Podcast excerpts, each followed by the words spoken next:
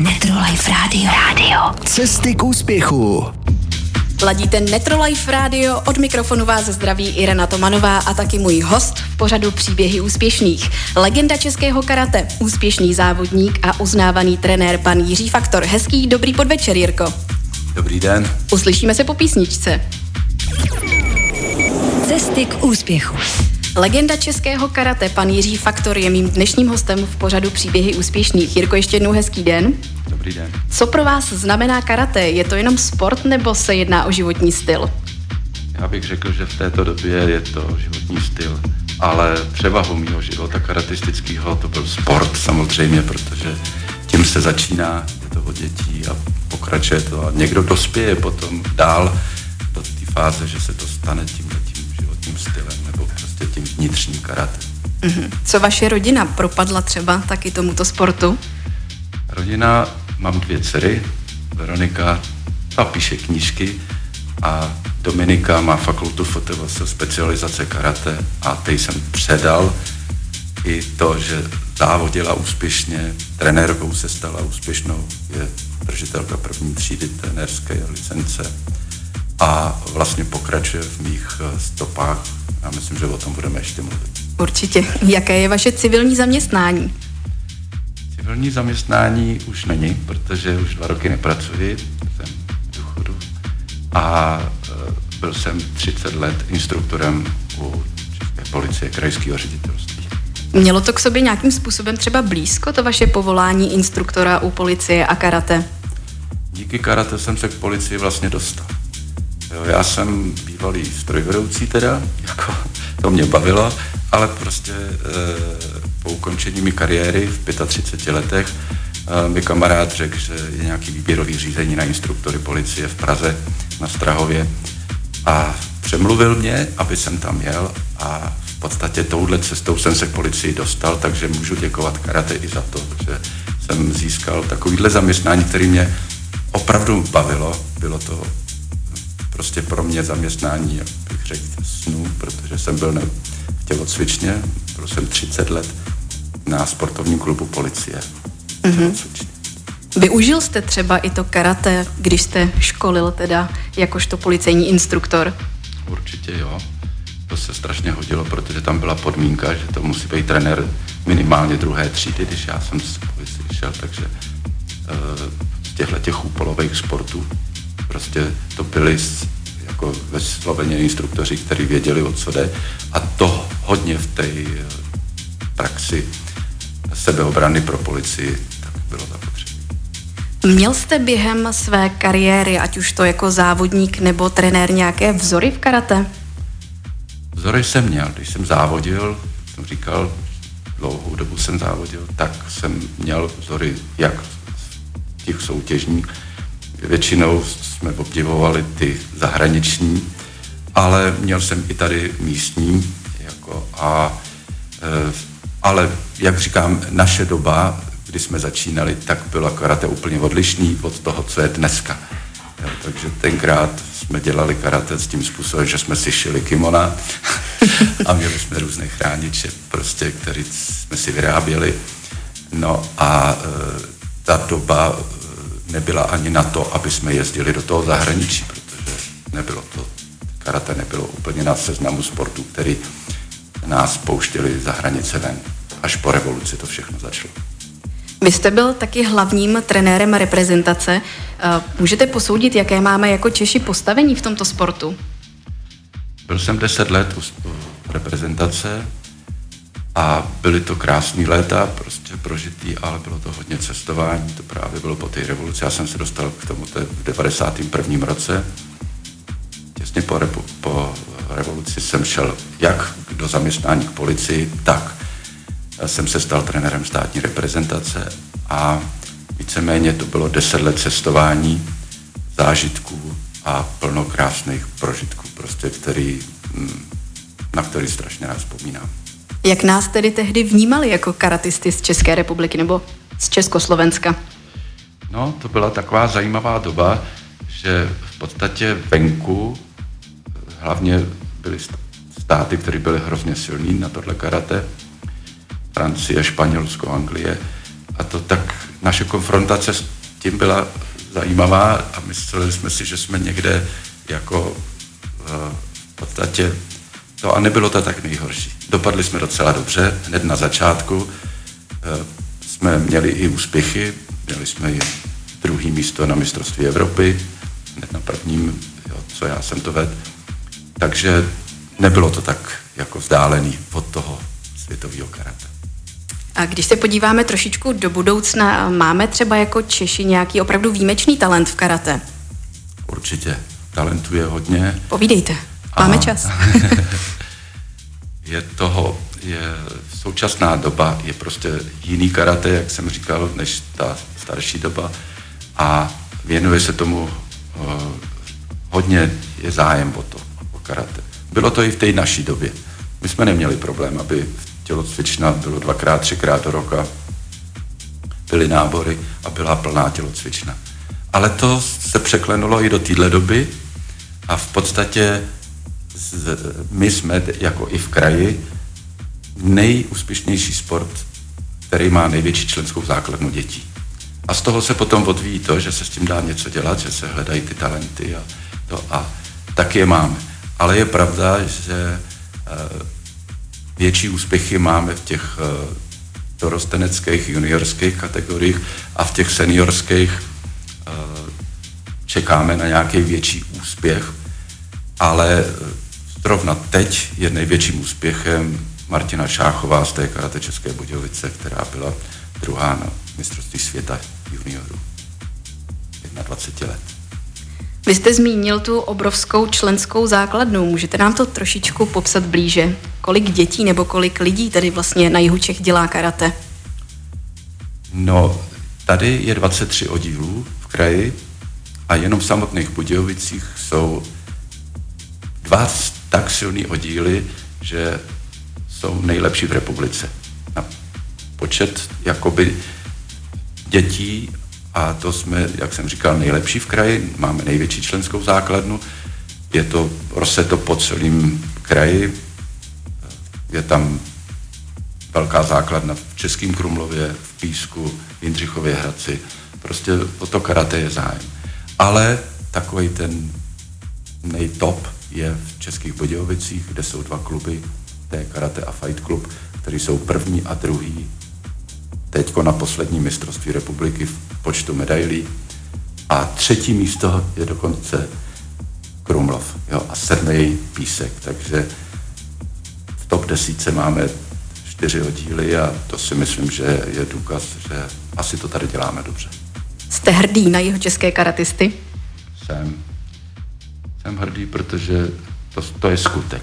To je prostě něco, co se nedá nějakým způsobem to, to je vidět, že když máme tady ty úspěchy, že jsme v tomhle tom uh, takhle úspěšný, máme teda nejvíc lidí, jako jak říkám, nejlepší výsledky na mistrovství republiky, máme nejvíc lidí v reprezentaci a máme zároveň uh, několik lidí, uh, kteří vedou reprezentaci. U reprezentace jsou v současné době Petr Beníšek, předseda rady reprezentace z Fight Clubu a z té karate Míra Hýsek, který je trenérem státní reprezentace seniorů. Mm-hmm. My letos slavíme 50 let karate na jihu Čech. Jaké byly ty začátky? Pojďme se ještě trošku vrátit, jak těžké bylo třeba přemluvit lidi, aby šli dělat karate? Začátky byly krásný, my na to všichni rádi vzpomínáme, protože to byla doba taková, že karate bylo opravdu populární hodně, že jsme měli na závodech velikánskou účast, myslím, diváků, jo, že jezdili do Prahy, jo, tak autobusy se na nás dívat, to už asi dneska, aby byla zaplněná folimanka nebo tak úplně, nevím, ale e, nemůže se porovnávat to karate, co bylo a co je dneska. Jde to strašně rychle, je hodně změn a ty změny prostě jsou, že takže prostě eh, jako karate tam ty doby a tohle, my na to rádi vzpomínáme. Když už jsme u vzpomínání, tak našla jsem, že eh, za nedlouho to bude rok, co do karatistického nebe odešel světový šampion Jiří Hrabal. Jak na něj vzpomínáte? Jirka Hrabal byl moje generace, s kterým jsem se moc krát potkal na zápasišti. Vedli jsme spolu státní reprezentaci taky potom. A Havířov pod jeho vedením byl top v té době oddíl České republice. Tak na něj vzpomínám opravdu rád. Jako, byl to velmi dobrý závodník a velmi dobrý jako odborník i co se čtě, jako trenér. Není to tak dávno, v roce 2021 se karate poprvé objevilo na olympijských hrách a to rovnou v japonském Tokiu. Jak vnímáte tento milník? Tak eh, já můžu děkovat, že jsem tam byl, že jsem to zažil, protože to se moc krát v historii neopakovalo, aby v rodišti karate se konalo mistrovství světa. Spali jsme v olympijské vesnici, konalo se to prostě za ohromné účasti států a bylo to opravdu krásné. A mm, jako vzpomínám na to strašně rád. Jak si Češi vedli na olympiádě v Tokiu? Češi tam vůbec nebyli. Vůbec? Aha, vidíte. tam byla tak, tak silný klíč, eh, že v podstatě se tam nominovalo jenom osm nejlepších závodníků v každé kategorii a bohužel žádnému z českých závodníků se tam nepodařilo A jak je to teda s budoucností karate na olympiádě? Bude v Paříži nebo už nebude? V Paříži nebude. No, I když Francie momentálně je pořád velmi silná v karate a očekávali jsme, že to bude, ale e, těch zpráv, které já mám, tak se vypadá to, že, ta, že se pokoušíme se znova na tu olympiádu dostat a že to vypadá docela dobře, že bychom měli být znova v tom koši, aspoň o kterých se bude hlasovat, že na olympiádu půjde. Chtěla jsem se vás původně zeptat, jestli jste navštívil někdy zemi původu tohoto sportu. Vy už jste zmínil, že jste tedy byl na olympiádě v Tokiu. Byl jste tam ještě někdy jindy? Já jsem se přeřekl, já jsem na olympiádě nebyl, já jsem nebyl. byl na mistrovství světa, já jsem přeslech otázku. A na mistrovství světa v Tokiu jsem byl. Byl jsem se podívat v tělocvičně Funakoshi, kterou zakládal. Spali jsme v té olympijské vesnici, jak jsem předesílal. A byl to pro mě životní takový zážitek, protože opravdu e, tam to je prostě pro nás meka toho všeho, co bylo. Překvapilo mě teda, že svým způsobem karate tam není na prvním místě, jako je, nepatří tam mezi ty úplně to. A první místo a celkově největší popularitat má sumo. Teda to mě překvapilo. Hostem dnešního pořadu Příběhy úspěšných je legenda českého karate pan Jiří Faktor a náš rozhovor dál můžete poslouchat po písničce. Metrolife Radio. Radio. Cesty k úspěchu. Hostem pořadu Příběhy úspěšných je dnes Jiří Faktor a povídat si budeme samozřejmě i dál o karate. Eh, jak staré je toto bojové umění a fungují v Japonsku stále tradiční školy tohoto umění? Tak písemný doklady tady o tom je někdy z 8. století, je to hodně starý sport. A je to umění bojový a víceméně je to na té bázi, že to spadá do toho období s tím judem a založením a tak dále. Pozdější ty styly z toho vyšly byli jako modernější, jo, taekwondo a takový přišli až po nás. Jo. Takže historie začíná někde, v, traduje se možná, že je to na bázi taky nějakých příběhů prostě, který nemusí být úplně 100%, ale traduje se, že to přešlo z Indie do, do Číny, z Číny, tam už byl nějaký písemný do, dochovaný to, že existoval nějaký nácvik podobě těch cviků karate a dostalo se to na Okinavu. A to je rodiště teda opravdu karate, jako ho známe do dnešní doby. Vyvinulo se tam mnoho stylů a v současné době my to, co cvičíme tady v České republice, tak eh, jsou dva základní styly a to je Shotokan a Gožuryu. Ale do toho VKF, světového karate, v kterým se soutěží je ještě Shitoryu a Padoryu. Takže čtyři základní styly jsou pod VKF. Tak se tedy karate rozděluje podle těchto jakoby disciplín? To karate se takhle rozděluje podle stylu.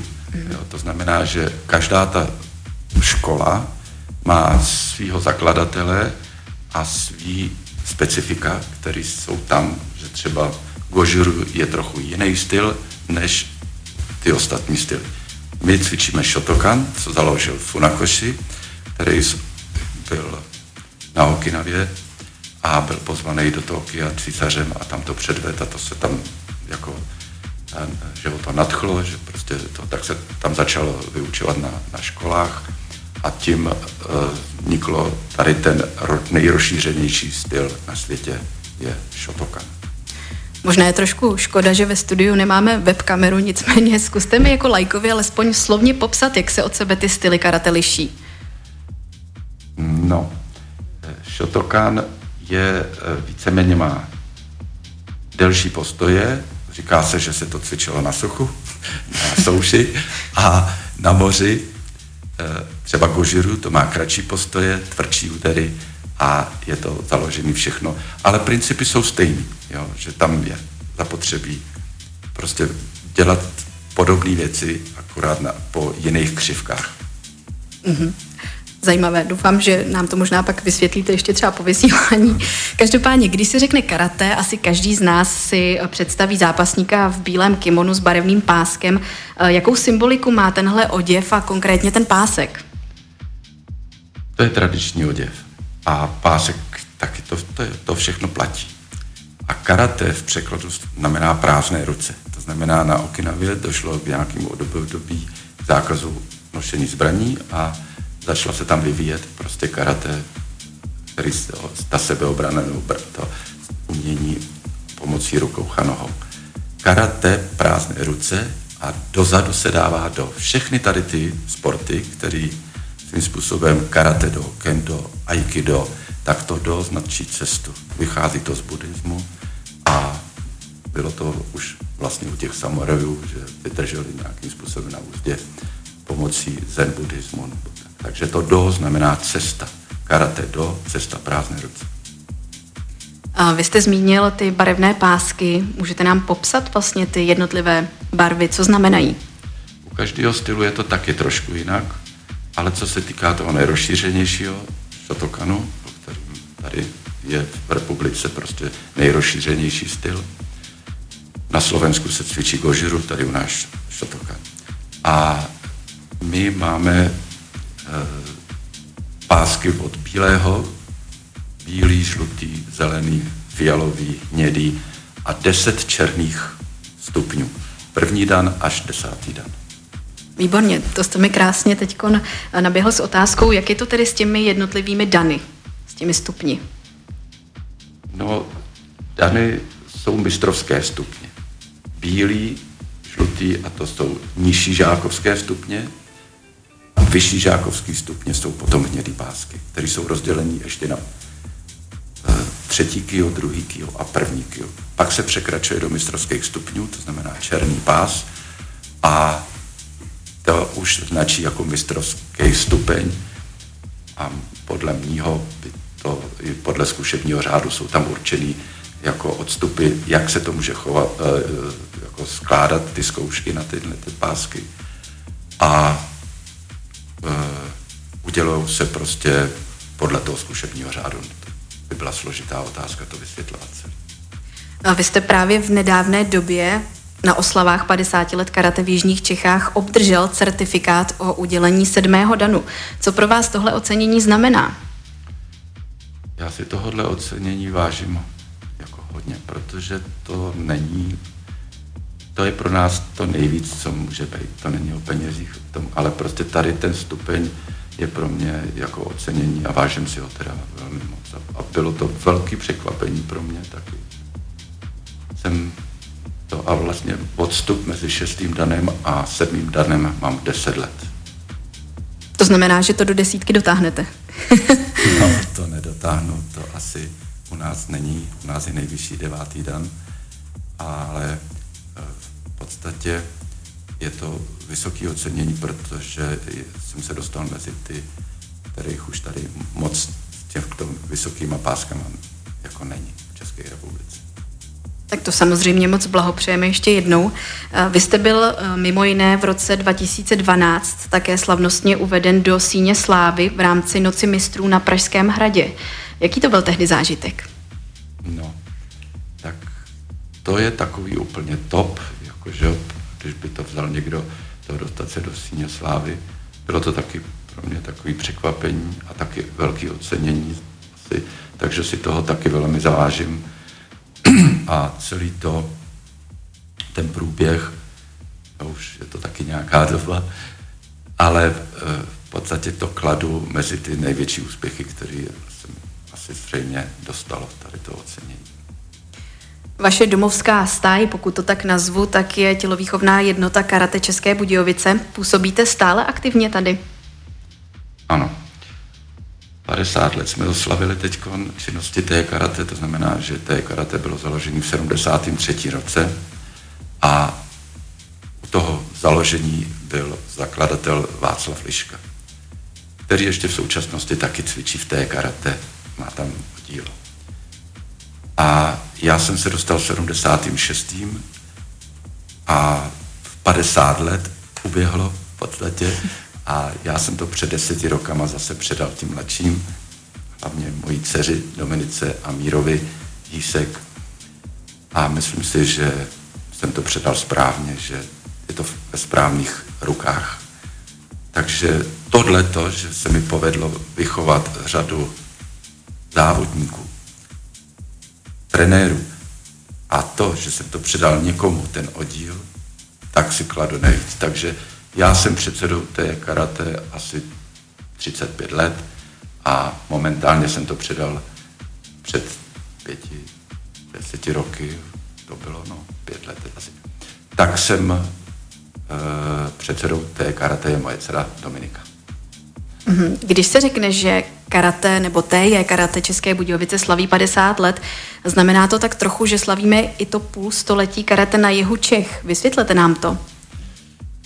Ano, je to i 50 let jeho českého karate, protože té karate patřilo mezi úplně první zakládající kluby v České republice, kterých bylo asi 8 a víceméně se teprve rozvíjela ta závodní činnost, o které tady taky budeme mluvit. Asi zřejmě, jakým způsobem, jo, že je soutěžní karate a pak nějaký, kdo si to dělá jenom pro radost nebo pro jiné věci. A té karate eh, postupovalo tady těma krokama, že se to založilo v 73. A eh, já jsem se dostal k tomu vedení asi po deseti letech po válce Liškovi. No a v současné době, jak jsem říkal, to vedou tady ty mladí. Pojďte rovnou tedy rozvést to, co jste chtěl říct, eh, že existuje nějaké závodní karate a zároveň karate jako koníček. Většina lidí vidí jenom to, co je vidět, že to, to karate viditelný. Ale ono karate je taky to do právě. To je to, že lidi, kteří určitou dobu cvičí, abych řekl, že tak 10, 15 let, tak dojdou k tomu poznání, že to je taky vnitřní. A stane se to tím životním stylem, anebo tou cestou pro někoho, který cvičí. A to je velmi u karate a u těchto sportů jako dobrý, že si to můžete cvičit sami až do vysokého věku. Je v 80 letech si lidi cvičí prostě uh, ty sestavy, ty, ty katak.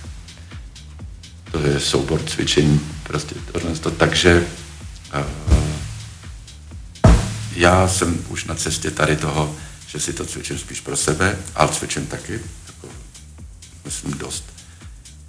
A Eh, sportovní karate byla nějaká část, která je dobře, že to každý prodělá. No, že to je třeba u dětí nutný, protože je to nějaký test, že dělají dobře to karate. Ale to je vidět. A to, co není vidět, tím se zabývám teď a chtěl bych v tom právě se zdokonalit tak, že já bych to předával dalším, abych jako jim pomohl, protože pomáhat budu furt. Dokud bude prostě budu mít sílu, tak u karate zůstanu a stane se to mojím snad. Doufám teda, že u toho vydržím ještě. Vy už jste to teď trošičku zmínil, nicméně pojďme ještě rozvést, pro koho se karate tedy hodí. pro každý. Může se to cvičit v každém věku, jak už jsem řekl. To znamená, je to od dětí. Tady mají programy budějovický oddíly a víceméně všude v republice, že je to pro děti už od tří let. Je to formou ale hry a je to taková přípravka na to, že se stanou ty děti šikovnýma. Mají velice dobrý programy v té karate, Fight Club, Krumlov, prostě kde se vyhledávají talenti formou toho, že se vyhledávají šikovní děti. No a jako e, jde se dál a e, ta cesta toho sportovního karate, kterou by neměl nikdo vynechat, jo, tak e, se nějakým způsobem taky někde končí. A pak by se mělo přijít na to, že se začíná cvičit pro to, aby člověk eh, to cvičil pro sebe, pro svoje zdraví, pro svůj nějaký to, ale hlavně i pro to vnitřní nastavení toho, jakým způsobem žít. A tak. Takže je to cesta, kterou se dáme a můžeme do vysokého věku. Možná taky někdy naši posluchači dospějí třeba naopak zase ke karate. I to se může stát. může, klidně, ať přijdou, mají možnost, je tady opravdu myslím si, velmi dobrý trenéři a veliká základna a nikde asi zřejmě nebudou odmítnut, odmítnutý.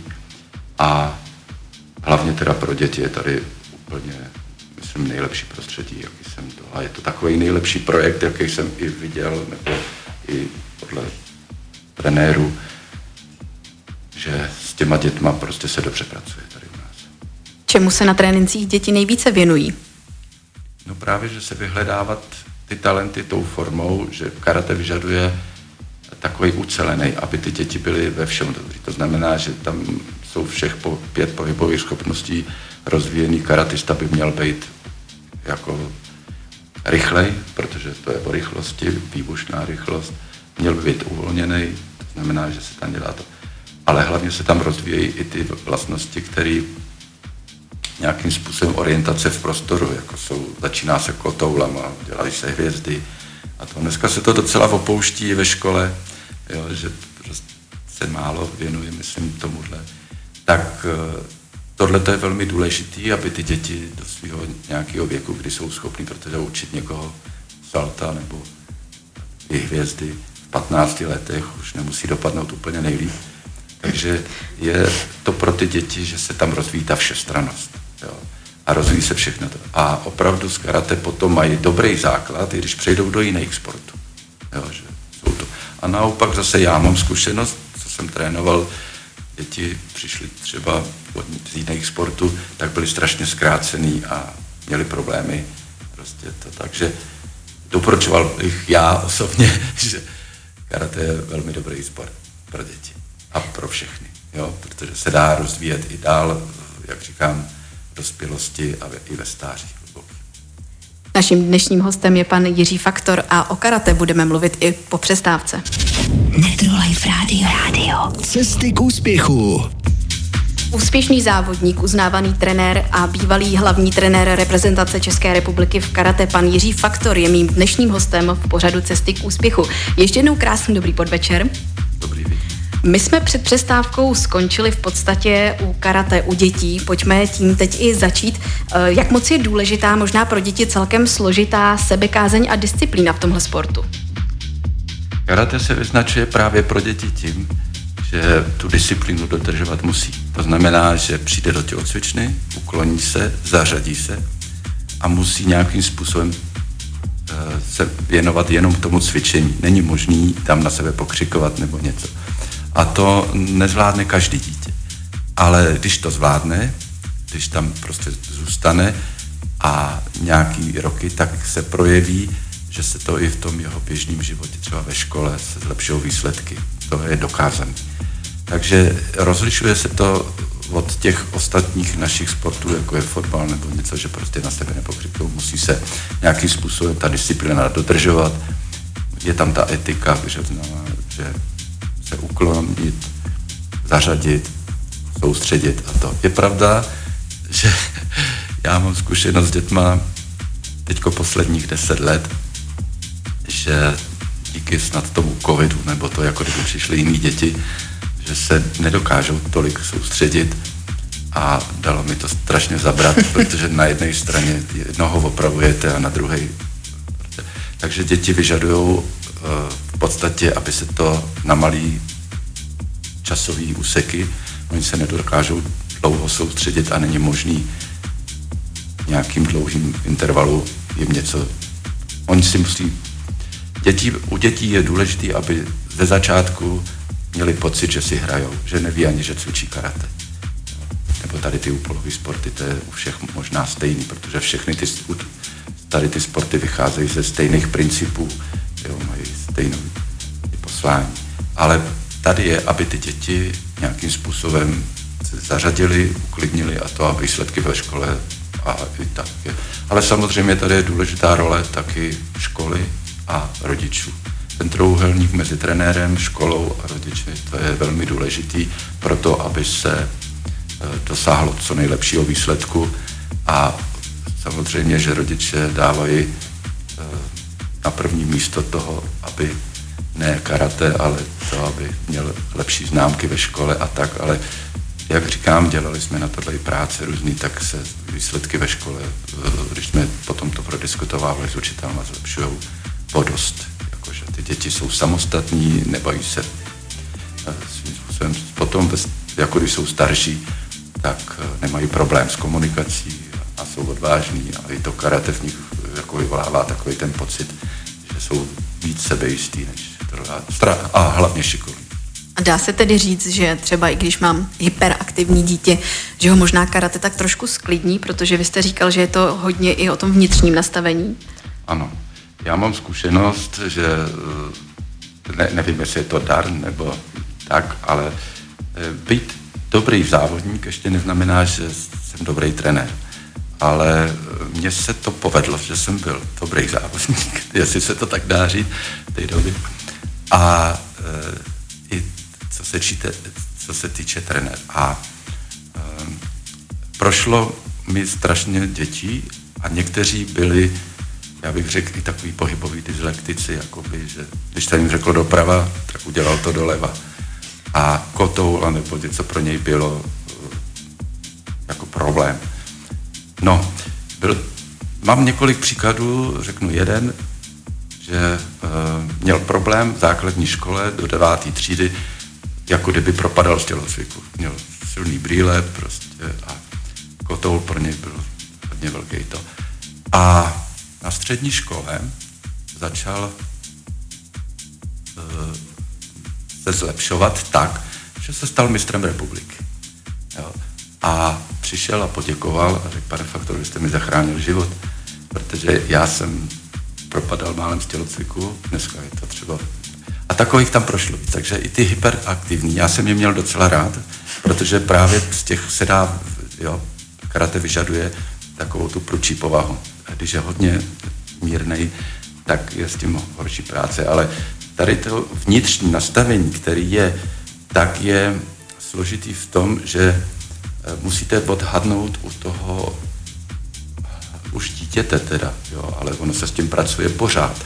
Celý ten jeho život, to kdy závodí, tak se to pořád utváří. Ale vyhledávat jeho silnou stránku, co on vlastně je.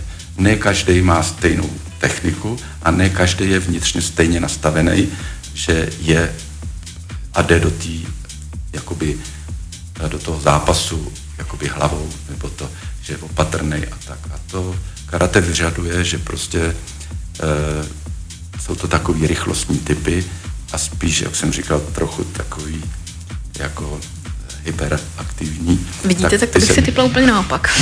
no.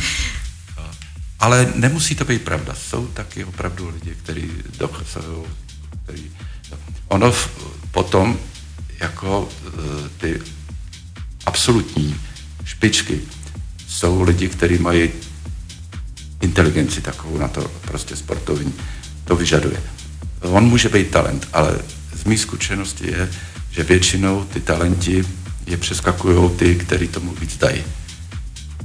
On jako má talent, ale to nemá všechno. Ale na té mezinárodní úrovni už potřebuje jak ten talent, tak i to vnitřní nastavení, který prostě mu dává to, že jako ho baví trénovat, že přidává a je to něco jako typ Jagra nebo Plíškový, nebo prostě něco, že eh, už potom nejde o to, jestli jakože ho to má tu vnitřní motivaci a to vnitřní nastavení takový, že to má rád. Pokud se nepletu, tak v karate se hodně pracuje s dechem. Myslíte si, že i právě tohle potom ovlivňuje třeba, jak jsme se bavili například o tom sklidnění dítěte nebo dokázání se soustředit? Nejlepší propracovaný systém má yoga.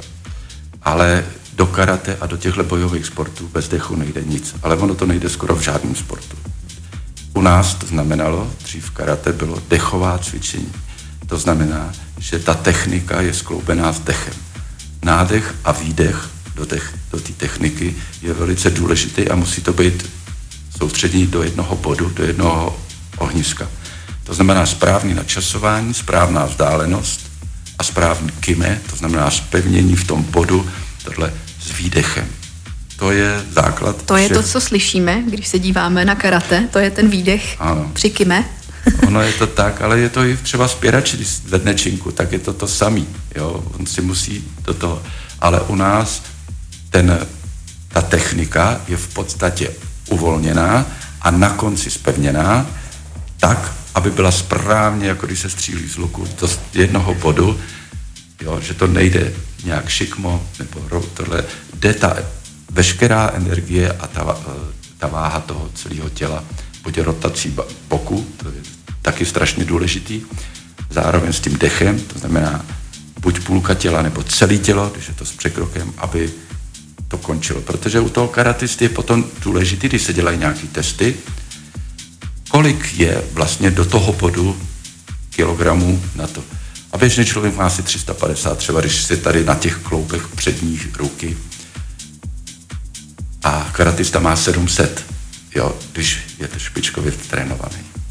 Dobře, to si tady asi předvádět nebudeme. Myslím, že byste mě porazil. Nicméně zeptám se ještě, je karatista samurajem? A vychází to ze samurajů taky. Já si myslím, že to byl právě ten začátek všeho. Tam a nikdo v té historii, kdy ještě to nebylo písemně dochovaný, neví, jak tím způsobem to, ale hodně principů, eh, ty, kteří eh, to cvičí opravdu tak, jak se karate má cvičit. To znamená, že všechno to, co do karate patří, ovládají na takové úrovni, že se můžou stát i těma samurajma. Ale mimo jiné, jo, samurajové v překladu znamená ten, co slouží. To není žádný bojovník. Že to není žádná výhra vlastně. No, jo. To je, eh, to prostě bylo pro ochranu toho šoguna, tak, ale vyvinulo se to z toho, ale potom teda, jak říkám, když nešlo o ty zbraně, nejdřív seční, pak když samurové padly, když přišly palné zbraně, že jo, ale, to, ale ono je to kodex toho, co umí, jak je, co je vidět, že to byl dobrý třeba šermíř a tak, ale je to taky kodex ty cti samurajský a to, a to patří taky do toho do karate do. Proto by se to do mělo cvičit taky. Nemělo měli by se tam zapomínat. Lidi, no, lidi prostě by k tomu měli dojít, jo, a jestli cvičí judo, nebo kendo, nebo aikido, to je prostě cesta, a tady k těm principům toho vnitřního nastavení, toho, že jde o něco jiného, jenom to, co je vidět, tak měli by k tomu dojít. Jak se karate do rozděluje? Kolik má disciplín? Tak třeba tady u nás jakoby je, to jsou základní styly a je to podobné ve všech uh, karate stylech, že je kata, to je znamená souborný cvičení, to jsou sestavy, kterých je určitý množství a jsou přesně daný. A tam nejde prostě něco udělat jinak. To je přesná sestava, která je daná.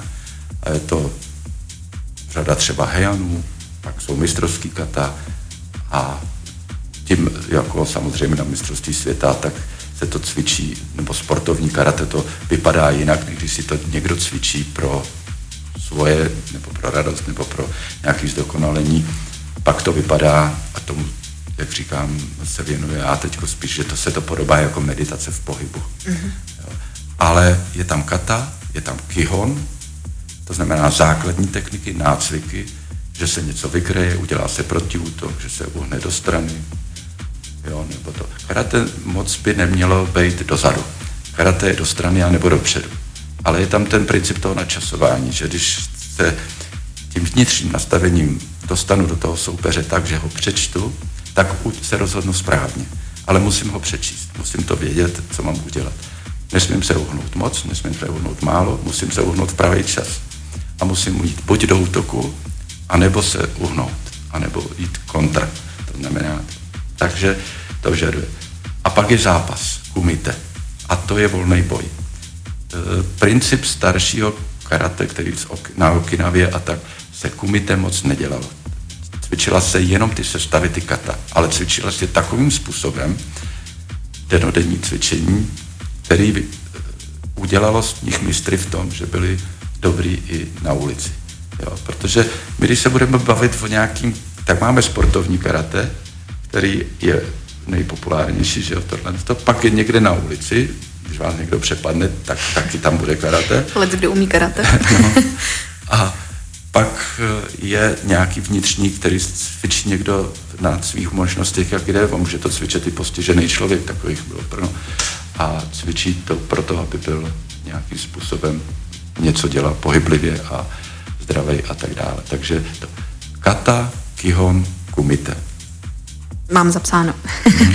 Pojďme závěrem rozhovoru ještě se vrátit k nám na jich Čech. Vy jste chtěl ještě hovořit o historii karate u nás na jihu Čech.